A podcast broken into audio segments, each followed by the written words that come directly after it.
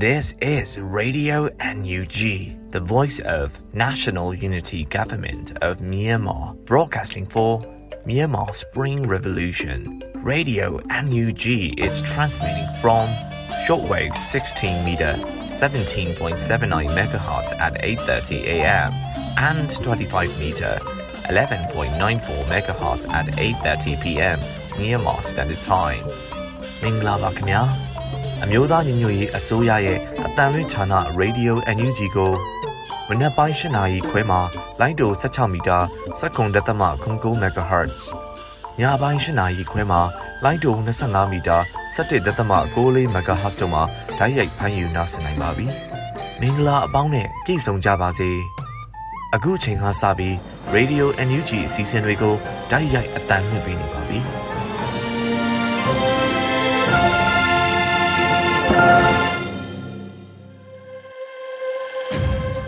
မြန်မာနိုင်ငံသူနိုင်ငံသားအပေါင်းတဘာဝဘေးစစ်အာဏာရှင်ပြီးမှကင်းဝေးပြီးကိုယ်စိတ်နှပါဘေးကင်းလုံခြုံကြပါစေလို့ရေဒီယိုအန်ယူဂျီအဖွဲ့သားများကဆုတောင်းမြတ်တာပို့သလာရပါတယ်။အခုပထမအဦးဆုံးအနေနဲ့ကာကွယ်ရေးဝန်ကြီးဌာနရဲ့စီရေးသတင်းအကျဉ်းချုပ်ကိုတော့မောင်ကျူးမှဖတ်ကြားတင်ပြပေးမှာဖြစ်ပါတယ်။အမျိုးသားညီညွတ်ရေးအစိုးရကာကွယ်ရေးဝန်ကြီးဌာနကထုတ်ပြန်တဲ့နေ့စဉ်စီရေးသတင်းချင်းချုပ်ကိုတင်ပြပါတော့မယ်ခင်ဗျာ။စစ်ကောင်စီတပ်သား18ဦးသေဆုံးပြီး73ဦးထိခိုက်ဒဏ်ရာရရှိကြောင်းသိရှိရပါတယ်။ စစ်ကောင်စီနဲ့တိုက်ပွဲဖြစ်ပွားမှုသတင်းများကိုပထမဦးစွာတင်ပြပါမယ်ခင်ဗျာ။မွန်ပြည်နယ်မှာ2022ခုနှစ်စက်တင်ဘာလ22ရက်နေ့မနက်6:30မိနစ်ခန့်ကကြိုက်ထုံမြို့နယ်ကြိုက်ထုံမြို့ဘိုက်ကကြေးရွာအနီးမှာပဲခူးတိုင်းဝေါမြို့နယ်ဘက်ကဘီလင်းမြို့ဘက်ကိုဥတီလာတဲ့ရင်လေးစီပါစစ်ကောင်စီရင်နှံကို KNL နဲ့ KRF ပူးပေါင်းဖွဲ့များကမိုင်းဆွဲတက်ခတ်ခဲ့ပြီးလက်နက်ငယ်များဖြင့်အနီးကပ်ပစ်ခတ်ခဲ့ပါတယ်။စက်တင်ဘာလ22ရက်နေ့မနက်7:55မိနစ်12:02မိနစ်နဲ့12:08မိနစ်တို့မှာ ဘီလင်းမြို့နယ်ဘီလင်းတပြေနီတန်တရာကို KRF, KNL, ဘာလာပကဖ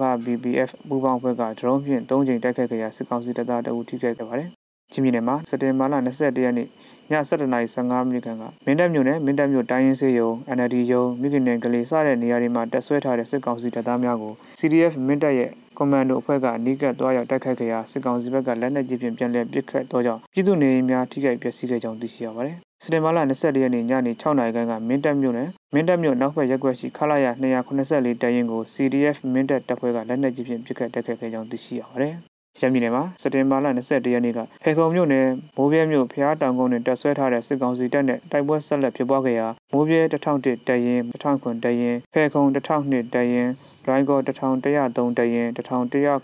ရင်အထူးစစ်စေးဖွဲ့804 805တရင်များနဲ့ KNDF KA KRU တို့ပူးပေါင်းတိုက်ခတ်ခဲ့ပြီးစစ်ကောင်စစ်တပ်3ဦးသေဆုံးခဲ့ပါတယ်။ စကိုင်းတိုင်းမှာစနေမလ22ရက်နေ့နေ့လယ်2နာရီခန့်ကခင်းဦးမြို့နယ်မြင်းတောင်ကျေးရွာနဲ့တာကရကျေးရွာကြားမိုးတိမ်ချောင်းစစ်ကောင်စီကင်းစခန်းကိုဒေသခံကာကွယ်ရေးတပ်ဖွဲ့များပူးပေါင်းပြီးမိုင်းတဲ MM တို့ဖြင့်ပစ်ခတ်တိုက်ခတ်ခဲ့ပြီးဒရုန်းဖြင့်အကြိမ်ကြိမ်ဘုံကျဲတိုက်ခိုက်ခဲ့ပါတယ်။စတင်မာလာ22ရက်နေ့ကကလေးမြို့နယ်တောင်ဖီလာရက်ကွက်တောင်ဖီလာလမ်းနဲ့ကျန်စစ်သားလမ်းစုံနီးစစ်ကောင်စီက3စီအင်အား20ပါရန်တန်းကို PDF ကလေးမြို့ပြပျောက်ကြားတပ်ဖွဲ့ကမိုင်းဆွဲတက်ခတ်ခဲ့ကြောင်းသိရှိရပါတယ်။ စတင်မာလာ22ရက်နေ့ကမင်းကင်းမြို့နယ်လာဖို့ကြေးရွာဘက်မှထွက်လာတဲ့စစ်ကောင်စီတပ်ကိုမင်းကင်းပြည်သူ့ကာကွယ်ရေးတပ်ဖွဲ့ကမိုင်းဆွဲတက်ခတ်ခဲ့ရာစစ်ကောင်စီတပ်သား6ဦးသေဆုံးပြီးအများအများထိခိုက်ဒဏ်ရာရရှိကြောင်းသိရှိရပါတယ်စတင်မာလာ21ရက်နေ့နေ့လယ်2:45မိနစ်ခန့်ကမင်းကင်းမြို့နယ်တောင်ရတော်ရွာရှိစစ်ကောင်စီလုံခြုံရေးဂိတ်ကိုမင်းကင်းပြည်သူ့ကာကွယ်ရေးတပ်ဖွဲ့များကဝင်ရောက်ပစ်ခတ်ခဲ့ရာစစ်ကောင်စီတပ်သား4ဦးသေဆုံးပြီး5ဦးဒဏ်ရာရရှိကြောင်းသိရှိရပါတယ်။ အခုတိုင်းမှာစတင်ဘာလ21ရက်နေ့ကစေတုဒ္ဒရာမြို့နယ်မြောက်ပိုင်းချင်းပြည်နယ်အဆက်အပေါ်ကျေးရွာနီးမှာ CDF ကမ်ဘလက်ကိန်စင်မဟူယာအဖွဲ့နဲ့စစ်ကောင်စီတပ်တို့အပေါ်ကျေးရွာနီးတို့တွင်တိုက်ပွဲဖြစ်ပွားခဲ့ရာစစ်ကောင်စီတပ်သား9ဦးသေဆုံးခဲ့ပါတယ်။မန္တလေးတိုင်းမှာစင်မာလာ21ရက်နေ့နေ့လယ်2နာရီခန့်ကပြည်ကြီးတကုံမြို့နယ်စက်မှုပန်းချန်ဤကင်းလှည့်လာတဲ့ရဲ15ဦးပါဖော်ကားတစ်စီးကို Generation Z Power GZP မန္တလေးကြောက်ကြားတပ်ဖွဲ့ကပရိသာမိုင်းနှလုံးနဲ့ဖောက်ခွဲတိုက်ခတ်ခဲ့တဲ့အတွက် ရဲ9ဦးထိခိုက်ရရှိပြီး2ဦးမှာပြင်းထန်ဒဏ်ရာဖြင့်တည်ဆုံနိုင်ဝယ်ရှိကြောင်းသိရှိရပါတယ်။စစ်ကောင်စီကကျွလွန်တဲ့ရာဇဝမှုများကြောင့်ကိုဆက်လက်တင်ပြပါမယ်။ကချင်ပြည်နယ်မှာစင်မာလာ21ရက်နေ့ညနေ4နာရီက မြကြီးနားမြို့နယ်မြကြီးနားမြို့အောင်နှန်းရက်ကွက်အထက်ကနှစ်ကျောင်းရှိမှာလူငယ်တအုပ်ကိုအရက်ဝတ်ဖြင့်ရဲတပ်သားနှုတ်ကလမ်းပိတ်ဆို့ဖမ်းဆီးသွားပြီးည၈နာရီကမှရန်ဘူရက်ကွက်ရှိနေအိမ်တစ်ခုကိုစစ်ကောင်စီတပ်ကဝင်ရောက်စီးနင်းမှုကြောင့်လူငယ်တအုပ်ထပ်မံဖမ်းဆီးခံခဲ့ရကနေ့လယ်3နာရီခန့်တွင်နန်ကျင်ကျေးရွာရှိနေအိမ်တစ်ခုကိုစစ်ကောင်စီတပ်ကဝင်ရောက်စီးနင်းခဲ့ရာဖမ်းဆီးရမယ့်သူမရှိသည့်အတွက်6နှစ်ရွယ်သားဖြစ်သူကိုထိုးကျိတ်ရိုက်နှက်သွားကြောင်းသိရှိရပါတယ်။ ရှမ်းပြည်နယ်မှာစက်တင်ဘာလ21ရက်နေ့နေ့လယ်10:30မိနစ်ခန့်ကဖေခုံမြို့နယ်စောင်းကန်ကျေးရွာမှာလိုက်ကော်မြို့နယ်ကစစ်ကောင်စီတပ်ရဲ့လက်နက်ကြီးရန်တမ်းပစ်ခတ်မှုကြောင့်ဒေသခံပြည်သူတို့ဖြစ်တဲ့အသက်60အရွယ်ဦးကျူးသေဆုံးသွားကြောင်းသိရှိရပါတယ်ရခိုင်ပြည်နယ်မှာစတင်မာလာ22ရက်နေ့မနက်စောပိုင်းကကြောက်ဖြူမြို့နယ်အစိုးရရပ်ကွက်မှာနေထိုင်တဲ့ဦးရန်နိုင်မင်းအသက်42နှစ်နဲ့ကြောက်ဖြူမြို့နယ်မာလာကျွန်းရွာကအသက်16နှစ်အရွယ်မောင်လာမြင့်ထွန်းမောင်တန်းစိန်ပါဝင်လူငယ်၄ဦးစုစုပေါင်းအရက်သား9ဦးကိုစစ်ကောင်စီတပ်ကဖမ်းဆီးခေါ်ဆောင်သွားကြောင်းသိရပါတယ်။ စတေမာလာ21ရက်နေ့ည9:00နာရီခန့်ကတောင်ကုန်းမြို့နယ်တောင်ကုန်းမြို့ချောင်းကောက်ရပ်ကွက်ကကိုမျိုးမြင့်38နှစ်ကိုရဲနဲ့အရက်ဝလူ9ဦးကဖမ်းဆီးသွားကြောင်းသိရှိရပါတယ်။စတင်မာလာ21ရက်နေ့ညနေ9:00နာရီခန့်ကမင်းများမြို့နယ်နရန်ကျေးရွာဘုံကြီးကျောင်းမှာတဆွဲထားတဲ့အင်အား80ကျော်ပါဝင်တဲ့စစ်ကြောင်းကမင်းများမြို့ဘက်ကနရန်ကျေးရွာဘက်ကိုချင်းချင်းကြောက်လာစဉ်ကာဝက်ရှော့လောက်ကန်သူကိုအောင်စော်ဝင်းနဲ့တပည့်ဖြစ်သူကိုညီညီတို့ကိုဖမ်းဆီးထားကြောင်းသိရှိရပါတယ်။ စတင်မာလာ21ရက်နေ့ညနေ9:00နာရီခန့်ကရန်ပြဲမြို့နယ်ရန်ပြဲမြို့အမှတ်3တန်းသားပြင်ရပ်ကွက်ကကိုအောင်လင်းထွန်းနဲ့အမှတ်3အင်းတောင်ရပ်ကွက်ကကိုတက်လင်းစော်တို့ကိုစစ်ကောင်စီတပ်ကဖမ်းဆီးသွားပြီးမြို့ပေါ်ရပ်ကွက်ရှိလူမှုရေးကိစ္စဆောင်ရွက်သူများဖြစ်တဲ့အမှတ်3တန်းသားပြင်ရပ်ကွက်ကကိုမောင်ထိန်နဲ့ကိုထင်လင်းခိုင်တို့ရဲ့နေအိမ်အမှတ်4အောင်စီရီရပ်ကွက်ကကိုထွန်းထွန်းဦးရဲ့နေအိမ်များကိုလည်းဝင်ရောက်ရှာဖွေသွားကြောင်းသိရှိရပါတယ်။ခိုင်းနိုင်မှာစတင်ဘာလ22ရက်နေ့ကခင်ဦးမြို့နယ်တာခရကျေးရွာဂွေကုန်းကျေးရွာကိုစစ်ကောင်စီတပ်သားများဝင်ရောက်ခဲ့ပြီးမိရှုဖျက်ဆီးခဲ့ပါတယ် မန္တလေးတိုင်းမှာ2022ခုနှစ်စက်တင်ဘာလ21ရက်နေ့ညနေ6နာရီခန့်ကကစင်မြို့နယ်လက်ပံသာတလင်းကုန်းရွာသားကိုကိုစစ်ကောင်စီတပ်သားများကစစ်ကောင်စီသတင်းပေးရလှုပ်ကြံမှုကြောင့်လက်ပြန်ကျိုးတို့ဖမ်းဆီးသွားကဖမ်းဆီးခံရသူများမှာတအုပ်မှာရိုင်းနှက်ခံထားတဲ့အတွက်တည်ဆုံးနိုင်ွယ်ရှိကြောင်းသိရှိရပါတယ်။တနင်္လာရီတိုင်းမှာစတင်ဘာလ22ရက်နေ့ကပူလောမြို့နယ်ပလာမြို့အမှတ်1ရပ်ကွက်မှာရဲနယ်စစ်ကောင်စီတပ်သားများကဦးဝေးဝင်းကိုတနက်ဖြန်ပစ်တက်ခဲ့ပါတယ်။ စရမလ24ရက်နေ့ညနေ9:00နာရီခန့်ကရေဖြူမြို့နယ်ကလုံးထာရွာမှာခြံလုံသမားဖြစ်လာရောက်လုပ်ကိုင်နေတဲ့အသက်50ဝန်းကျင်ရွယ်ဦးမောင်မောင်ရခိုင်မောင်မောင်ကိုစစ်ကောင်စီတပ်ဖွဲ့များကဓာတ်နဲ့ထိုးသက်ပြီးအလောင်းကိုရာဘာချမ်းမှာဆွန့်ပစ်ခဲ့ကြောင်းသိရှိရပါတယ်။အခုတင်ပြခဲ့တဲ့နေ့စဉ်စီးရဲသတင်းချင်းချုပ်ကိုမြေပြင်သတင်းတာဝန်ခံများနဲ့သတင်းဌာနများကပေါ်ပြထားတဲ့အချက်များပေါ်အခြေခံပြုစုထားတာဖြစ်ပါတယ်။ကျွန်တော်မောင်ကျူပါ။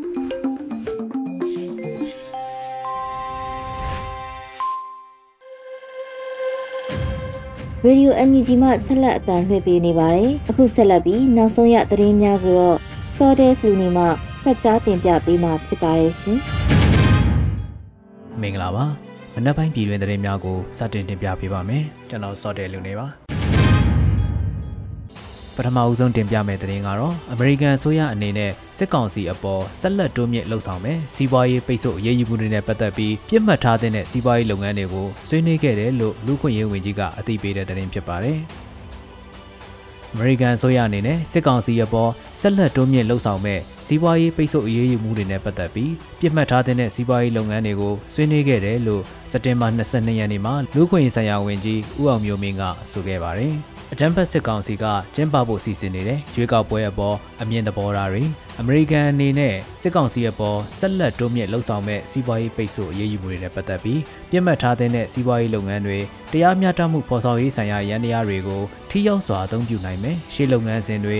လူသားချင်းစာနာမှုအကူအညီဤပညာဆက်သွယ်ရေးအထက်ပညာပိုင်းဆိုင်ရာအကူအညီတွေဒီမိုကရေစီရေးတက်ကြွလှုပ်ရှားသူများနဲ့ပြည်သူရင်ဝင်ခုံလုံလာကြတဲ့လူတွေအတွက်ကာကွယ်မှုတွေနဲ့အခြားကူညီထောက်ပံ့မှုတွေအကြောင်းကိုဆွေးနွေးခဲ့ကြတယ်လို့ဆိုပါတယ်။ အမေရိကန်နိုင်ငံသားရေးဝန်ကြီးဌာနရဲ့အကြံပေးပုဂ္ဂိုလ် Mr. Derek Jolak ဦးဆောင်တဲ့တာဝန်ရှိပြည်သူများနဲ့ပြည်ထောင်စုလွှတ်တော်ကိုစားပြုဥက္ကဋ္ဌကော်မတီဥက္ကဋ္ဌဖြစ်သူဦးအောင်ကြီးညော့အမျိုးသားညီညွတ်ရေးအစိုးရလူခွင့်ရေးဆိုင်ရာဝန်ကြီးဌာနပြည်ထောင်စုဝန်ကြီးဦးအောင်မျိုးမင်းဆက်သွယ်ရေးချက်လက်နဲ့ဤပညာဝန်ကြီးဌာနပြည်ထောင်စုဝန်ကြီးဦးထင်လင်းအောင်နိုင်ငံသားရေးဝန်ကြီးဌာနဒုတိယဝန်ကြီးဦးမိုးစောဦးလူခွင့်ဆိုင်ရာဝန်ကြီးဌာန၏အကြံပေးပုဂ္ဂိုလ်ဦးအောင်ကျော်မိုးတို့စက်တင်ဘာလ22ရက်နေ့ကနယူးယောက်မြို့မှာတွေ့ဆုံခဲ့ကြပါတယ်ခင်ဗျာ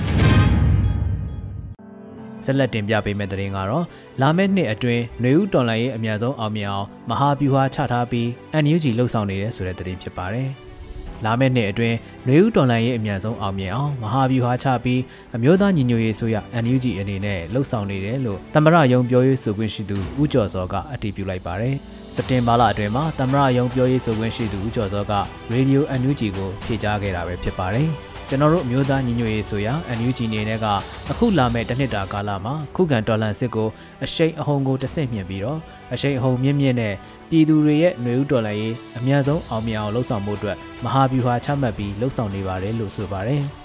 2021ခုနှစ်စက်တင်ဘာလ9ရက်နေ့မှာပြည်သူခုခံတွန်းလှန်စစ်များစတင်ဖို့အမျိုးသားညီညွတ်ရေးဆိုရဟာကြေညာခဲ့ပါတယ်။ လက်ရှိမှာတော့ပြည်သူခုခံဒေါ်လာစစ်တစ်နှစ်တာကာလအတွင်းအကြမ်းဖက်စစ်တပ်ကတပ်ဖွဲ့ဝင်2000ကျော်တိတ်ဆုံးခဲ့ပြီဖြစ်ပါတယ်ခင်ဗျာအအခုတင်ပြပေးမှာကတော့ NUG ပညာရေးဝန်ကြီးဌာနရဲ့ဂျားကာလပြည်သူပညာရေးကျောင်းထူးချွန်စုပေးပွဲနဲ့အတန်းပြီးဆုံးကြောင်းအခမ်းအနားကျင်းပတဲ့တဲ့မှာဖြစ်ပါတယ်။ NUG ပညာရေးဝန်ကြီးဌာနရဲ့ဂျားကာလပြည်သူပညာရေးကျောင်းထူးချွန်စုပေးပွဲနဲ့အတန်းပြီးဆုံးကြောင်းအခမ်းအနားကိုစကိုင်းတိုင်းစလင်းကြီးမြို့နယ်မှာကျင်းပခဲ့ပါတယ်။စက်တင်ဘာလ22ရက်နေ့မှာ ကျောင်းထူးချွန်စုပေးပွဲနဲ့အတန်းပြီးဆုံးကြောင်းခန္ဓာကိုကျောင်းသားကျောင်းသူများဆရာများနဲ့စီကားတိုက်မြိုက်စွာကျင်းပခဲ့တယ်လို့သိရရှိပါရယ်။အဲဒီနောက်တစ်ဆက်တည်းမှာပဲအကြမ်းဖက်စစ်တပ်ရဲ့တပရင်လက်ရက်ကုန်းကျေးရွာမှာဒေချောင်းကနေចောင်းသားကလေးငယ်တွေကိုတပ်ဖြတ်ခဲ့တဲ့အပေါ်မှာကန့်ကွက်ဆန္ဒပြခဲ့ကြပါတယ်။ចောင်းသားလေးတွေကကာကြီးခါခွေးပဲရေးတက်သေးတယ်။တားတို့သမီးတို့တငယ်ချင်းတွေကိုတတ်ဖို့လေရင်ပြစ်လက်နက်တကယ်လိုလို့လားဆိုတဲ့စာသားများကင်ကဆန္ဒထုတ်ဖော်ခဲ့ကြပါတယ်ခင်ဗျာ။ ဆက်လက်တင်ပြပေးမှာကတော့ပြည်ပအလောက်ကင်ဆိုင်ရာစစ်တမ်းကောက်ယူခြင်းနဲ့ OERC ထုတ်ပေးခြင်းလုပ်ငန်းမှာ online survey form application နဲ့ကတ်ဒီဇိုင်းရေးဆွဲခြင်းဆောင်ရွက်ပြီးစီးပြီလို့အလုပ်သမားဒုဝန်ကြီးကဆိုလိုက်တဲ့သတင်းဖြစ်ပါတယ်။ပြည်ပအလုပ်ကိုင်ဆိုင်ရာစစ်တမ်းကောက်ယူခြင်းနဲ့ OERC ထုတ်ပေးခြင်းလုပ်ငန်းမှာ online survey form application နဲ့ကတ်ဒီဇိုင်းရေးဆွဲခြင်းဆောင်ရွက်ပြီးစီးပြီလို့အလုပ်သမားဒုဝန်ကြီးဦးကျော်နေရဆိုပါတယ်။စက် တင်ဘာလအတွင်းမှာအလုံသမားဝင်ကြီးဌာနဒုဝန်ကြီးဦးကျော်နေရရေဒီယို NUG ကိုဖြေကြားခဲ့တာပဲဖြစ်ပါတယ်။ပြည်ပအလုပ်ကိုင်ဆိုင်ရာစစ်တမ်းကောက်ယူခြင်း OERC ထုတ်ပေးခြင်းလုပ်ငန်းစဉ်မှာလုပ်ငန်းစီမံချက် project ရေးဆွဲတာမှာဆောင်ရွက်ပြီးစီပြီဖြစ်ပါတယ်။အစိုးရအဖွဲ့ကိုတင်တာဘူဝါဒလမ်းညွှန်မှုခံယူတာလည်းဆောင်ရွက်ပြီးပြီဖြစ်ပါတယ်။ online survey form application နဲ့ cut design ရေးဆွဲပြီးပြီလို့လည်းဆိုပါတယ်။ လက်ရှိအခြေအနေမှာလုပ်ငန်းစဉ်အဆင့်9တွင်ရောက်နေပြီး pilot project အဖြစ်မလေးရှားနိုင်ငံမှာစတင်ဖို့အစီအစဉ်လျက်ရှိတယ်လို့တင်ရရှိပါရခင်ဗျာ။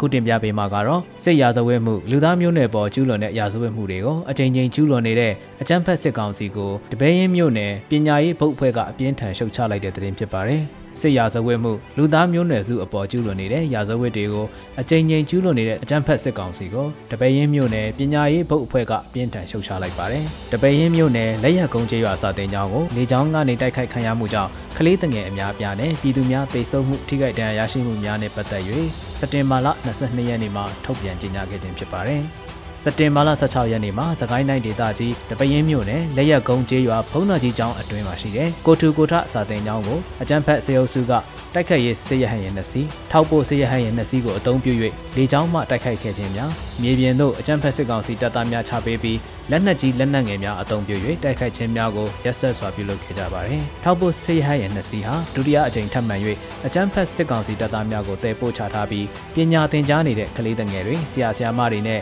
ပြည်သူတွေကိုရည်ရွယ်ချက်ရှိရှိပြင်းထန်စွာတိုက်ခိုက်ခဲ့ကြပါတယ်။အဲဒီတိုက်ခိုက်မှုကြောင့်စာတင်ကျောင်းထဲမှာပညာသင်ကြားနေတဲ့ကလေးငယ်6ဦးပါဝင်စုစုပေါင်းကလေးငယ်8ဦးကြာဆုံးခဲ့ပြီးဒဏ်ရာရရှိသူကျောင်းသားကလေးငယ်9ဦးနဲ့ဒဏ်ရာရရှိသူဆရာမ2ဦးပါဝင်ဆရာဆရာမ9ဦးတို့ကိုဖမ်းဆီးခေါ်ဆောင်သွားခဲ့ပါတယ်။ ကြာဆုံးចောင်းသားကလေးငယ်များရဲ့ရုပ်အလောင်းများကိုလည်းယူဆောင်သွားခဲ့ကြပါတယ်။ပြည်သူ9ဦးကြာဆုံးပြီးဒဏ်ရာပြည်သူ9ဦးနဲ့ဒဏ်ရာចောင်းသားကလေးငယ်18ဦးရှိပါတယ်။ကလေးငယ်ရုပ်အလောင်းများအပြင်းထန်ဒဏ်ရာကလေးငယ်9ဦးဆရာဆရာမ9ဦးကားနှစ်စီးနဲ့ကားမောင်းသူ2ဦးပါဝင်ပြည်သူ3ဦးစုစုပေါင်း19ဦးတို့ကိုရေဦးမြို့သို့ဖမ်းဆီးပို့ဆောင်ခဲ့တယ်လို့သိရှိရပါတယ်။စာတင်ကျောင်းကိုဥတီတိုက်ခိုက်ခြင်းကလေးငယ်များပေါ်ပြစ်မှတ်ထားတိုက်ခိုက်တပ်ဖြတ်ခြင်းတို့ဟာလူမဆန်ဆိုးရွားလာတဲ့အကြမ်းကြုတ်မှုများပင်ဖြစ်ပါတယ်။ စစ်ရာဇဝတ်မှုလူသားမျိုးနွယ်စုပေါ်ကျူးလွန်နေတဲ့ရာဇဝတ်မှုများကိုအကြိမ်ကြိမ်ကျူးလွန်နေတဲ့အကြမ်းဖက်စစ်ကောင်စီကိုကျွန်ုပ်တို့မျိုးနယ်ပညာရေးဘုတ်ဖွဲ့နေဖြင့်အပြင်းထန်ရှုတ်ချပါတယ်။ကလေးတငယ်များဆရာဆရာမများနဲ့ပြည်သူများကိုမြည်သည့်အန္တရာယ်မှကြားရောက်စေခြင်းမရှိဘဲအမြန်ဆုံးပြန်လွှတ်ပေးရန်လိုအပ်ပါတယ်။ထို့သောသောလူခွင့်ရေးချုပ်ဖောက်မှုများအကြမ်းဖက်လုပ်ရများစစ်ရာဇဝတ်မှုများနဲ့လူသားမျိုးနွယ်စုပေါ်ကျူးလွန်တဲ့ရာဇဝတ်မှုများကိုနေရာဒေသအနှံ့အပြားမှာအကြိမ်ဖန်များစွာကျူးလွန်နေတဲ့ကြမ်းဖက်စစ်ကောင်စီအုပ်စု၏ စစ်အာဏာရှင်ရန်တရားပြတ်သုံးသွားသည့်တိုင်အောင်ပြည်တွင်းပြည်ပတော်လှန်ရေးအင်အားစုများနိုင်ငံတကာအဖွဲ့အစည်းများနဲ့ပူးပေါင်းဆောင်ရွက်၍ကျူးလွန်သူစစ်ကောင်စီအားအရေးယူဆောင်ရွက်နိုင်ရေးတရားစီရင်နိုင်ရေးတို့အတွက်စ조사ဆောင်ရွက်သွားမှာဖြစ်ပါတယ်လို့ဖော်ပြထားပါတယ်ခင်ဗျာ guide တထောင်ထိပြစ်ခတ်နိုင်တဲ့ Federal Revolution Force FRF အဖွဲ့၏60မမလက်နက်ကြီးထုတ်လုပ်ရေးအောင်မြင်တဲ့တဲ့တင်ကိုဆက်လက်တင်ပြပေးပါမယ်။ ကာဝေးဂိုက်တထောင်ထိပြစ်ခတ်နိုင်တဲ့ Federal Revolution for FRF အဖွဲ့၏60မမလက်နက်ကြီးထုတ်လုပ်အောင်မြင်ခဲ့ပါတယ်။စက်တင်ဘာလအတွင်းမှာ Federal Revolution Force FRF ကအသိပေးဆိုပါတယ်။ Federal Revolution Force FRF အဖွဲ့၏60မမလက်နက်ကြီးကိုအောင်မြင်စွာထုတ်လုပ်နိုင်ခဲ့ပါပြီ။အကွာအဝေးကိုဂိုက်တထောင်ထိပြစ်ခတ်နိုင်ပါတယ်လို့ဖော်ပြထားပါတယ်။60မမတာဝေးပစ်လက်နက်ကြီးနဲ့အတူရှေ့ထရှေ့ထွက်မိုင်းလက်ပစ်မိုင်းတို့ကိုလည်းအောင်မြင်စွာထုတ်လုပ်နိုင်ခဲ့ပါတယ်။ ထုတ်လုပ်ရေးပိုင်းမှာလိုအပ်ချက်တွေကြောင့်အခက်အခဲတချို့ရှိခဲ့ပြီးအချိန်ကြန့်ကြာနေခဲ့ရကအဓိကလိုအပ်ချက်ကတော့ဘတ်ဂျက်ပိုင်းလုံလောက်မှုမရှိသေးဘူးလို့တင်ရရှိပါရခင်ဗျာဆက်လက်တင်ပြပေးမှာကတော့မြောင်မြို့နယ်နှစ်ဘက်ရွာကိုစစ်ကောင်စီတပ်များဝင်ရောက်တောင်းကျမ်းမီးရှို့ခဲ့တဲ့တဲ့တင်ဖြစ်ပါတယ်။စကိုင်းတိုင်းမြောင်နယ်နှစ်ဘက်ရွာကိုစစ်ကောင်စီတပ်များကဝင်ရောက်တောင်းကျမ်းမီးရှို့ခဲ့ပါတယ်။ စက်တင်ဘာလ22ရက်နေ့မနက်2နာရီလောက်မှာမြောင်မြို့နယ်မြို့စခန်းမှထွက်လာပြီး9နာရီခွဲတွင်နဘက်သို့လက်နက်ကြီးဖြင့်ပစ်ခတ်ဝင်ရောက်လာခဲ့တာလို့မြောင်မြို့နယ်ပြည်သူ့ကာကွယ်ရေးနှင့်လုံခြုံရေးအဖွဲ့ကအတည်ပြုထားပါတယ်။မြောင်မြို့စခန်းမှာစစ်ကောင်စီတပ်များနနက်2နာရီလောက်မှာထွက်လာပြီး9နာရီခွဲတွင်နဘက်သို့လက်နက်ကြီးလက်နက်ငယ်များဖြင့်ပစ်ခတ်ဝင်ရောက်လာခဲ့ကြတယ်လို့ဆိုပါတယ်။ လက်ရှိအချိန်မှာတော့နှစ်ပတ်ဆွဲလဲအိုဖာစောအပါဝင်လမ်းတစ်လျှောက်မှခြေရများကပြည်သူများချက်ချင်းထွက်ပြေးနေကြရပြီးနှစ်ပတ်အရှိတ်အင်းဆောင်တွင်ပြည်သူတို့ပြစ်တက်ခံရကနှစ်ပတ်ရွာတွင်မိရှို့ဖျက်ဆီးခဲ့တယ်လို့တင်ရရှိပါရခင်ဗျာ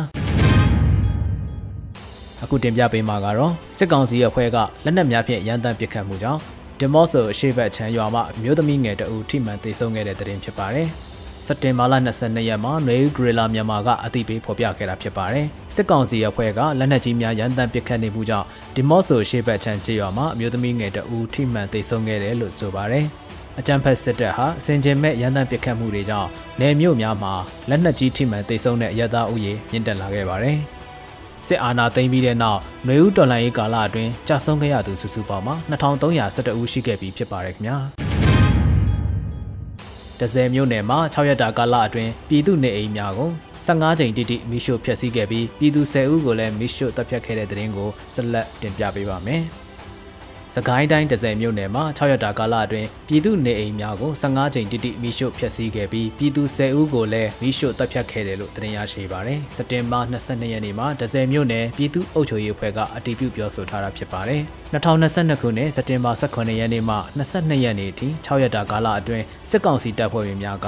အုတ်အိုင်ရွာရေဦးကုန်းရွာအောင်ချမ်းသာရွာဘေးရင်ရွာတဲ့ရွာအင်းဘက်ရွာအိုးတဲ့ကုန်းရွာဂွေးကုန်းရွာနဘတ်ငယ်ရွာတောင်တော်ရွာ ပေကုန်းရွာတက္ကယ်တန်းကျေးရွာများမှဒေသခံပြည်သူတို့ရဲ့နေအိမ်တွေကို15ကြိမ်တိတိမိရှို့ဖျက်ဆီးခဲ့ပြီးပြည်သူ10ဦးကိုလည်းမိရှို့တပ်ဖြတ်ခဲ့တယ်လို့ဖော်ပြခဲ့ပါတယ်ခင်ဗျာစစ်ကောင်စီတပ်ဖွဲ့ဝင်များဟာဒဇယ်မြို့နယ်မှာရကင်ငါထက်စစ်ရာဇဝတ်မှုများကျူးလွန်နေပြီးကျေးရွာများကိုအင်အားအလုံးရင်ဖြင့်ဝင်ရောက်စီးနင်းနေတာကြောင့်စစ်ပေးဆောင်ပြည်သူ19000ခန့်အိုးအိမ်စွန့်ခွာထွက်ပြေးတိမ်းရှောင်နေကြရပါတယ်။ လက်တလောမှာစစ်ကောင်စီစစ်ကြောင်းများ၏အဝေးမှာလုံခြုံရေးအသည့်လုံခြုံရေးတတိဖြင့်နေထိုင်ကြပါရန်ဒဇယ်မြို့နယ်ပြည်သူ့အုပ်ချုပ်ရေးအဖွဲ့ကအသိပေးဖော်ပြထားပါတယ်ခင်ဗျာအခုဆက်လက်ပြီးနောက်ဆုံးအနေနဲ့တင်ပြပေးသွားမှာကတော့စက်တင်ဘာ22ရက်ကမြန်မာမော်ဒယ်ဟန်လေးထိုင်းလေစိတ်အဝင်မှာတားဆီးခံရတဲ့တဲ့တင်ပဲဖြစ်ပါတယ်မြန်မာမော်ဒယ်မျိုးသမီးဟန်လေးကို ထိုင်းနိုင်ငံတကာလေဆိပ်သို့အဝင်မှာထိုင်းအာဏာပိုင်တွေကတားမြစ်လိုက်ပါတယ်။2021ကနိုင်ငံတကာမော်ဒယ်ပွဲတော်မှာမြန်မာနွေဦးဒေါ်လာရေးကြောင်းဆန္ဒထုတ်ဖော်ခဲ့လို့အများကစိတ်ဝင်စားခဲ့ကြပါတယ်။အခုချိန်မှာတော့လေဆိပ်တွင်းမှာရှိနေပြီးထိုင်းနိုင်ငံကထွက်မဲ့လေယာဉ်တစ်စီးစီးပေါ်ပြန်တင်ပေးမယ်လို့ဆိုပါတယ်။ဟန်လေးအမည်ကိုနိုင်ငံတကာရဲတပ်ဖွဲ့ရဲ့အလို့ရှိသူစီးရင်နဲ့ပါနေလို့ဆိုပြီးထိုင်းအာဏာပိုင်ဘက်ကပြောတယ်လို့ဟန်လေးရဲ့မန်နေဂျာကပြောကြောင်းရိုက်တာသတင်းမှာရေးထားပါတယ်။ ဟန်လေကလက်ရှိမှာထိုင်းနိုင်ငံမှာခိုးလုံနေပြီးယခု BNN ကိုခိတထွက်ပြီးထိုင်းပြန်ဝင်မှာတားမြစ်ခံရတာပဲဖြစ်ပါတယ်။ဟန်လေးကတော့ထိုင်းမှာနေထိုင်လို့တယ်လို့ပြောကြောင်းသတင်းမှာရေးထားပါတယ်။လက်ရှိမှာတော့မြန်မာစစ်ကောင်စီကထိုင်းအာဏာပိုင်တွေကိုအင်တာပိုလို့ခေါ်တဲ့နိုင်ငံတကာရဲတပ်ဖွဲ့တွေစီကိုသူတို့အမည်ပြစည်းရင်းတွေပေးပို့ခိုင်းထားပုံရကြောင်းအကဲခတ်တွေကမှတ်ချက်ပေးထားပါတယ်။အခြားမြန်မာအရေးလှုပ်ရှားသူတွေတိတ်တဆိတ်ဖမ်းဆီးခံထားရသလားဆိုတာလဲစောင့်ကြည့်စုံစမ်းကြရမှာဖြစ်ပါတယ်ခင်ဗျာ။ အခုတင်ပြပေးတဲ့သတင်းလေးကိုတော့ Radio NUG သတင်းတောက်မင်းမင်းကပေးပို့ထားတာပဲဖြစ်ပါတယ်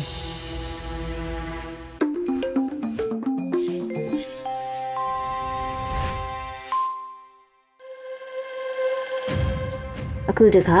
ကင်မိုးရေးသားပြီးနှွေဦးမိုးဖတ်ကြားထားတဲ့အခုလိုအဝေးလိုအမိရတဲ့တော်လန်ရေးကြပြကိုနားဆင်ကြရမှာဖြစ်ပါတယ်အခုလိုအဝေး အပြောင်းအလဲတစ်ခုတော့လိုအပ်နေပြီ။မှောင်မိုက်တဲ့တက်ကြရတွေကစကလုံးတွေပေါ်မှာအိမ်မောကြလို့မြင်ကွင်းကိုမျက်ွယ်ပြူရာသဲပွင့်များလို့တလူလူတလိမ့်လိမ့်မသိမှုဟာရဲရဲတင်းတင်းပေါ်အနာကဲ့ရဲ့တိုက်မြုံထဲမယ်ကျဲစင်လေးတွေအတိတ်တလန့်ဝတ်မုံပွင့်သက်လေးတွေအထိတ်အလန့် အသက်တွေအောင့်ပြေးနေရတဲ့လမ်းမှာမျက်နာတွေတမင်လဲပြန်မင်းတို့ဖတ်နေတယ်တည်င်းထူးတည်င်းဦးဆိုတာတတစ်ဖြက်ဖြက်လူးနေတဲ့ငါတို့ဘဝတွေငေနေတဲ့ငါတို့အသက်တွေမေရော့ခံနေရတော့မှလားအခုလိုမိုးပြိုချိန်တော့တဘဝလုံးပတ်ကြအပ်နေတဲ့ဒံယာရငှက်ကလေးတကောင်လိုကိုဘဝကို အမျောမခံနဲ့ကြက်ကြက်ခံ လက်ဖြောက်တနတ်သမားရဲ့ကြီးစံလိုဆုံးဖြတ်ချက်တွေဖြောက်မှတ်မှန်ကန်ပါစေကေမို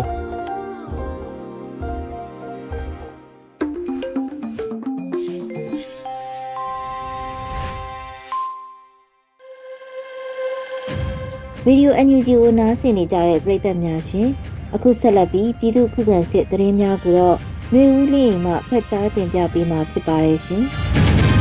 မင်းကင်းမှာစစ်ကောင်စီတပ်တွေတိုက်ခိုက်ခံရပြီးစစ်သားလေးဦးသေဆုံးတဲ့တဲ့ရင်ကိုတင်ဆက်ပေးပါမယ်။စကိုင်းတိုင်းမင်းကင်းမြို့နယ်မှာစစ်ကောင်စီတပ်တွေတိုက်ခိုက်ခံရပြီးစစ်သား10ဦးသေဆုံးကြောင်းဒေသကာကွယ်ရေးတပ်တွေရဲ့ထုတ်ပြန်ချက်များနဲ့ဒေသခံများရဲ့ပြောကြားချက်တွေအရသိရပါဗျ။ စက်တဘာလ22ရက်နေ့မွန်လွဲ2:45မိနစ်အချိန်မင်းကင်းမြို့နယ်တောင်ရတော်ရွာမှာရှိတဲ့စစ်ကောင်စီလုံခြုံရေးဂိတ်ကိုဒေသကာကွယ်ရေးတပ်တွေကဝင်ရောက်ပစ်ခတ်ရာစစ်ကောင်စီတပ်ဖွဲ့ဝင်၄ဦးသေဆုံးပြီး9ဦးဆေးရုံပို့ဆောင်ရကြောင်း PDF တွေကချင်းတွင်းမြစ်အတွင်းကနေမော်တော်ရေရင်နဲ့ပစ်ခတ်ခဲ့ခြင်းဖြစ်ကြောင်းသိရှိရတာပါ။စစ်ကောင်စီတပ်ကတရားရရှိတဲ့စစ်သားတွေနဲ့တေဆုံးသူတွေကိုစိုက်ကဲဘေးတွဲနှစ်စီးနဲ့မင်းကင်းစေးရုံကိုအရေးပေါ်ခေါ်ဆောင်သွားကြောင်း စစ်ကောင်စီတပ်ကပြစ်ခတ်သွားတဲ့မော်တော်နောက်ကိုလိုက်လံပစ်ခတ်ပေမဲ့ဒေသကာကွယ်ရေးတပ်တွေထိခိုက်ခြင်းမရှိကြောင်းချင်းတွင်းနဂါမင်းကင်းမြို့ကသတင်းထုတ်ပြန်ထားပါတယ်။ဆက်လက်ပြီးခင်ဦးတိုက်ပွဲတွေမှာစစ်ကောင်စီတပ်ဖွဲ့ဝင်တွေအထိနာတဲ့သတင်းကိုတင်ဆက်ပေးပါမယ်။စကိုင်းတိုင်းခင်ဦးမြို့နယ်ရှိမြင်းတောင်စာတင်ကျောင်းထဲမှာကင်းပုံးဝစ်နေတဲ့အကြမ်းဖက်စစ်ကောင်စီတပ်တွေဟာ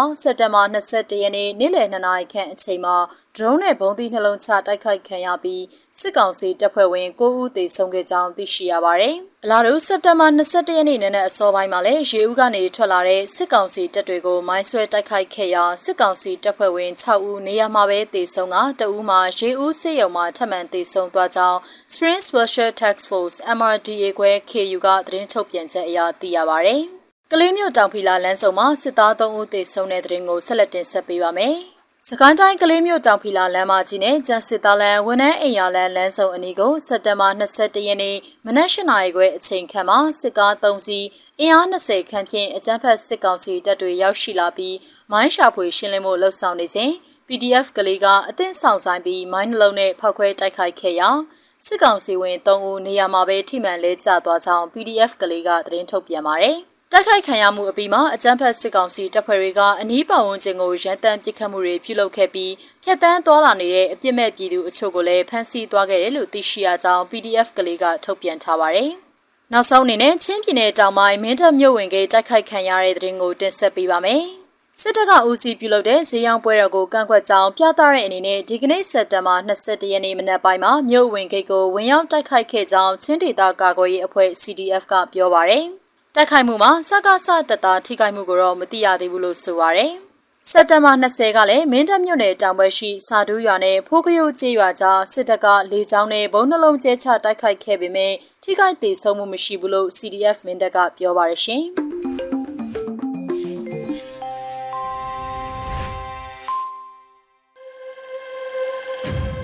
အခုဆက်လက်ပြီး Radio NUG သောသားရှင်များအတွက် PPTV ရဲ့နေ့စဉ်သတင်းများကိုတော့ ထထအင်ဒရာအောင်မှတင်ပြပေးမှာဖြစ်ပါတယ်ရှင်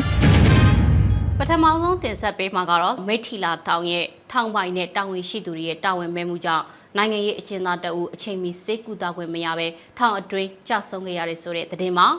မိထီလာအကျဉ်းဦးစီးဌာနမိထီလာအကျဉ်းထောင်အတွင်းမှာထောင်ပိုင်ထောင်တွင်းအရာရှိတပ်သားနဲ့စေကတာဝန်ခံတို့ရဲ့တာဝန်မဲမှုကြောင့် နိုင်ငံရေးအကျဉ်းသားတအုပ်ဖြစ်သူမောင်စောလာပြေခေါ်ဇွန်လာပြေဟာအချိန်မီစေကူတာဝင်မရပဲထောင်အတွင်းကြာဆုံးခဲ့ရပါတယ်။မောင်စောလာပြေခေါ်ဇွန်လာပြေကပုံမှန်52မြင်းဆောင်ကကြီးနဲ့မတရားတဲ့ပြစ်ဒဏ်ထောင်ဒဏ်9နှစ်ကြာခံနေရတဲ့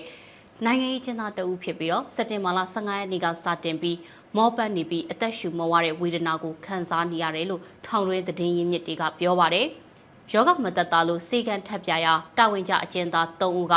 ဟမ်မဆောင်နဲ့အဆောင်ပြောင်းခံကျင်လာလားလို့ငောင်းငန်းပြီးတော့စေးမကုပေးပဲတာဝန်မဲ့စကားပြောကချိန်ချောက်ပြီးပြန်လှော်လိုက်ပါတယ်။စေးကုသခွင့်မရပဲပြန်ရောက်လာခဲ့ပြီးအိမ်သားအစင်းမှာခွေလဲကျသွားရကဝိုင်းဝန်းပြုစုပြီးတော့မနက်9နာရီခန့်မှာစေကန်ထပ်ပြခဲ့ရပါတယ်။ဆေးကမ်းမှာတိချာကြည့်ပေးဖို့ပြောတော့မှဆေးတလုံးချိတ်ပေးပြီးအပြည့်ဆေးရုံကိုတင်ဖို့စီစဉ်ခဲ့ပေမဲ့လည်း10:45မိနစ်ခန့်မှာဆေးရုံရောက်ပြီးတော့17:20မိနစ်ခန့်မှာကြာဆုံးခဲ့ရပါတယ်။ မောင်စော်လာပြေခေါ်ဇွန်လာပြေကြာဆုံးမှုကိုနှလုံးအဆုတ်ရှင်ပိတ်လို့ဖြစ်တာဆိုပြီးတော့တာဝန်ယူမှုတာဝန်ခံမှုကင်းမဲ့စွာနဲ့အကျဉ်းဦးစီးဌာနဘက်ကတုံ့ပြန်ပြောဆိုခဲ့ပါတယ်။မောင်စော်လာပြေခေါ်ဇွန်လာပြေကြာဆုံးမှုမှာတာဝန်ရှိသူတွေကအဆောင်မူဒုဘူလှိုင်မင်းထွန်းထောင်မှုမြက်ကိုကိုထွန်းနဲ့ထောင်ပိုင်တို့ဖြစ်တယ်လို့ဆိုထားပြီး၎င်းတို့ကအကျဉ်းသားတွေထံမတရားသဖြင့်ငွေကြေးကောက်ခံတာ မတရားမှုကျူးလွန်တာအကျင့်ပြတ်ချစားတာအဂတိလိုက်စားတာတွေပြုလုပ်နေတဲ့အတွက်အမျိုးသားညီညွတ်ရေးအစိုးရအနေနဲ့အရေးယူဆောင်ရွက်ပေးဖို့အတွက်ကိုလည်းမိထီလာအကျဉ်းထောင်တွင်ကနိုင်ငံရေးအကျဉ်းသားတွေကတောင်းဆိုထားကြပါတယ်။ဆလတ်တင်ဆက်ပေးမှာကတော့ KNU ညောင်လေးပင်ခရိုင်တွင်ကကြေးရွာပေါင်း125ရွာရဲ့လူဦးရေတသိန်းနီးပါးဟာအကြမ်းဖက်စစ်တပ်ကြောင့်ထွက်ပြေးတိမ်းရှောင်နေရတဲ့ဆိုတဲ့သတင်းမှာ ကရင်မျိုးသားစီရင် KNU ရဲ့ညောင်လေးပင်ခရိုင်တွင်ကကျေးရွာပေါင်း125ရွာရဲ့လူဦးရေတသိန်းနီးပါးအထိထွက်ပြေးတိမ်းရှောင်နေရတယ်လို့ညောင်လေးပင်ခရိုင်အမြဲတမ်းကော်မတီအရေးပေါ်အစည်းအဝေးပြီးသတင်းထုတ်ပြန်ချက်မှာဖော်ပြခဲ့ပါတယ်။ထုတ်ပြန်ချက်ထဲမှာညောင်လေးပင်ခရိုင်ဌာနချုပ်ရုံးရဲ့မှတ်တမ်းတွေအရအကြမ်းဖက်စစ်တပ်ကြောင့်ထွက်ပြေးတိမ်းရှောင်နေရတဲ့ကြီးရွာပေါင်း125ရွာအထိရှိနေပြီး အဲ့ဒီကြီးရွာတွေရဲ့လူဦးရေတသိန်းနီးပါးရှိထားသလိုကြီးရွာအတွင်းလေရင်နဲ့၅ချိန်လက်နက်ကြီးအလုံး2000ကျော်ပစ်ခတ်ထားတယ်လို့ဖော်ပြထားပါတယ်။အဲ့လိုပြစ်ခတ်မှုကြောင့်တေဆုံးသူ16ဦးအနက်အမျိုးသမီး2ဦးတေဆုံးခဲ့ရသလိုထိခိုက်ဒဏ်ရာရရှိသူ22ဦးမတရားဖမ်းဆီးညှင်းဆဲသူ64ဦးပြည်သူတွေရဲ့ငွေကြေးဥစ္စာပစ္စည်းတွေမတရားခိုးယူလူရက်မှုတွေကဆရာဆွေးမှုကျူးလွန်တဲ့လုပ်ရက်တွေဖြစ်တယ်လို့ဖော်ပြထားပါတယ်။ ညောင်လေးပိခရိုင်အမြဲတမ်းကော်မတီရဲ့အရေးပေါ်အစည်းအဝေးမှာအစည်းအဝေးဆုံးဖြတ်ချက်14ချက်ကိုချမှတ်ခဲ့တယ်လို့ဖော်ပြထားပြီးတော့အဲ့ဒီဆုံးဖြတ်ချက်တွေကိုထိထိရရအကောင့်ထဲပေါ်ဆောင်ရွက်သွားမယ်လို့ဆိုထားပါတယ်။ KNU ရဲ့ညောင်လေးပင် KI အနေနဲ့အကြမ်းဖက်စစ်ကောင်စီရဲ့မတရားသဖြင့်လူခွေချိုးဖောက်မှုမှန်သမျှကိုအထူးမှတ်တမ်းတင်ထားတယ်လို့လည်းထုတ်ပြန်ချက်မှာဖော်ပြထားပါတယ်။အကြမ်းဖက်စစ်ကောင်စီရဲ့လူမဆန်တဲ့လုပ်ရကြောင့်ပြည်သူလူထုတွေရဲ့စာဝတ်တွေရေးပညာရေးကျန်းမာရေး လူထုရဲ့အသက်အန္တရာယ်ချိန်ချောက်ခံရမှုလူမှုဘဝမလုံခြုံမှုစတဲ့လူခွေချိုးဖောက်မှုတွေကိုညောင်လေးပင်ခရိုင်အနေနဲ့လွန်စွာယွံမုံပြီးအပြင်းအထန်ကန့်ကွက်ရှုတ်ချတယ်လို့ဖော်ပြထားပါတယ်။အကြမ်းဖက်စစ်ကောင်စီကပြည်သူလူထုကိုမတရားသဖြင့်လူခွင့်ရေးချိုးဖောက်မှုကြောင့်ပြည်သူလူထုထောက်ပေါင်းများစွာကမြို့ရွာကိုစွန့်ခွာထွက်ပြေးကြရပြီးစားနပ်ရိက္ခာမလုံလောက်မှုလူမှုဘဝမလုံခြုံမှုကိုကြုံတွေ့ခံစားနေရတယ်လို့ဖော်ပြထားပါတယ်။ အခုနောက်ဆုံးအနေနဲ့မြန်မာနိုင်ငံတဝန်းကလူမျိုးပေါင်းစုံဘာသာပေါင်းစုံပါဝင်တဲ့ဆရာနာရှင်အမြင့်ပြည့်ချင်းမုံရေးလူထုဆန္ဒပြပွဲသတင်းတွေကိုစူးစီးတင်ဆက်ပေးပါတော့မယ်။အိန္ဒိယနိုင်ငံမီဇိုရမ်ပြည်နယ်ရောက်မြန်မာနိုင်ငံသားစစ်ဘေးရှောင်ပြည်သူတွေကကုလဆိုင်ရာမြန်မာနိုင်ငံကိုယ်စားလှယ်တမ်မကြီးဦးကျော်မိုးထွန်းကိုကုလမှာဆက်လက်ထားရှိရေးအတွက်ဆန္ဒပြတောင်းဆိုမှုကိုပြုလုပ်ခဲ့ပါတယ်။ဆန္ဒပြတောင်းဆိုသူတွေကဦးကျော်မိုးထွန်းဓာတ်ပုံတွေကိုကင်ဆောင်ထားသလို NUG အစိုးရကိုတရားဝင်အဖြစ်အတိအမှတ်ပြုရေး ဦးကျော်မိုးထွန်းကိုဆက်လက်ထားရှိရေးအကြမ်းဖက်စစ်ကောင်စီကိုဖယ်ရှားရေးတို့အတွက်တောင်းဆိုခဲ့တာပါ။စကိုင်းတိုင်းရွှေဘိုခရိုင်ခင်ဦးမြို့နယ်ကြေးရွာတရွာမှာ NUG အစိုးရအတိမတ်ပြုရေးကုလတန်မတ်ဦးကျော်မိုးထွန်းဆက်လက်ထားရှိရေးဆန္ဒပြတပိတ်ကိုပြုလုပ်ခဲ့ပါတယ်။တော်လန်ပြည်သူတွေက accept NUG and our ambassador reject dictator UN prove your existence for justice ဆိုတဲ့စာသားကိုကင်ဆောင်ကအကြမ်းဖက်ဆရာနာရှင်တော်လှန်ရေးဟစ်ကြွေးမှုတွေနဲ့ချီတက်ခဲ့ပါတယ်။ စစ်ဘေးရှောင်ဒေသမှာဖွင့်လှစ်ထားတဲ့ပြည်သူအခြေပြုကျောင်းကကလေးငယ်တွေကအကြမ်းဖက်စစ်တပ်ရဲ့လက်ရက်ကုန်းကြေးရွာစာတင်ကျောင်းမှာဖြစ်ပွားခဲ့တဲ့အကြမ်းဖက်စစ်တပ်ရဲ့လူမဆန်တဲ့လုပ်ရက်အပေါ်မကြေနဲ့လက်မခံနိုင်ကြောင်းနဲ့ကြောက်ဆုံးသွားတဲ့မူလာရန်ကျောင်းသူကျောင်းသားများအတွက်ဝမ်းနည်းမှုကိုပြသတဲ့အနေနဲ့စာတင်ငန်းအတွင်းဆန္ဒပြလှုပ်ရှားမှုပြုလုပ်ခဲ့ပါတယ်။ရေမတ်ပင်ဆလင်ကြီးရွာပေါင်းစုံတပိတ်ကတော့960ရဲမြောက်ဖြစ်အကြမ်းဖက်စစ်တပ်ကြာရွှေဆန္ဒပြတပိတ်ကိုဒီကနေ့မှပြုလုပ်ခဲ့ပါတယ်။ ဆန္ဒပြတော်လှန်ပြည်သူတွေက accept NUG and our ambassador reject dictator ဆိုတဲ့စာသားကိုကင်ဆွဲပြီးဆန္ဒပြချီတက်ခဲ့တာပါဒေသခံတော်လှန်ပြည်သူတွေကနေမြေမငြိတက်မှုတွေကြားထဲကနေအကြမ်းဖက်စစ်တပ်ကြာရှုံးရေးဆန္ဒပြတပိတ်ကိုနေ့စဉ်ပြုလုပ်နေကြပါတယ်ဒီကနေ့ကတော့ဒီညနေပဲ Radio NUG ရဲ့အစည်းအဝေးကိုခਿੱတရရလိုက်ပါမယ် မြန်မာစံတော်ချိန်မနက်၈နာရီခွဲနဲ့ည၈နာရီခွဲအချိန်တွေမှာပြန်လည်ဆုံးဖြတ်ကြပါစို့ Radio NUG ကိုမနက်ပိုင်း၈နာရီခွဲမှာလိုင်းဒို16မီတာစက္ကန့်တသမ9 MHz ညပိုင်း၈နာရီခွဲမှာလိုင်းဒို25မီတာ17သမ6 MHz တို့မှာဓာတ်ရိုက်ဖမ်းယူနားဆင်နိုင်ပါပြီမြန်မာနိုင်ငံသူနိုင်ငံသားများကိုစိတ်နှပြချမ်းမာချမ်းသာလို့ဘေးကင်းလုံခြုံကြပါစေလို့ Radio NUG အဖွဲ့သူအဖွဲ့သားများကဆုတောင်းလိုက်ရပါတယ်။အမျိုးသားညီညွတ်ရေးအစိုးရရဲ့စက်သွေးရေးတရင်အချက်အလက်နဲ့ဤပညာဝန်ကြီးဌာနကထုတ်လွှင့်နေတဲ့ Radio NUG ဖြစ်ပါတယ်။ San Francisco Bay Area အခြေစိုက်မြန်မာမိသားစုများနဲ့နိုင်ငံတကာကစေတနာရှင်များလုပ်အားပေးများရဲ့ Radio NUG ဖြစ်ပါတယ်။အရေးတော်ပုံအောင်ရမည်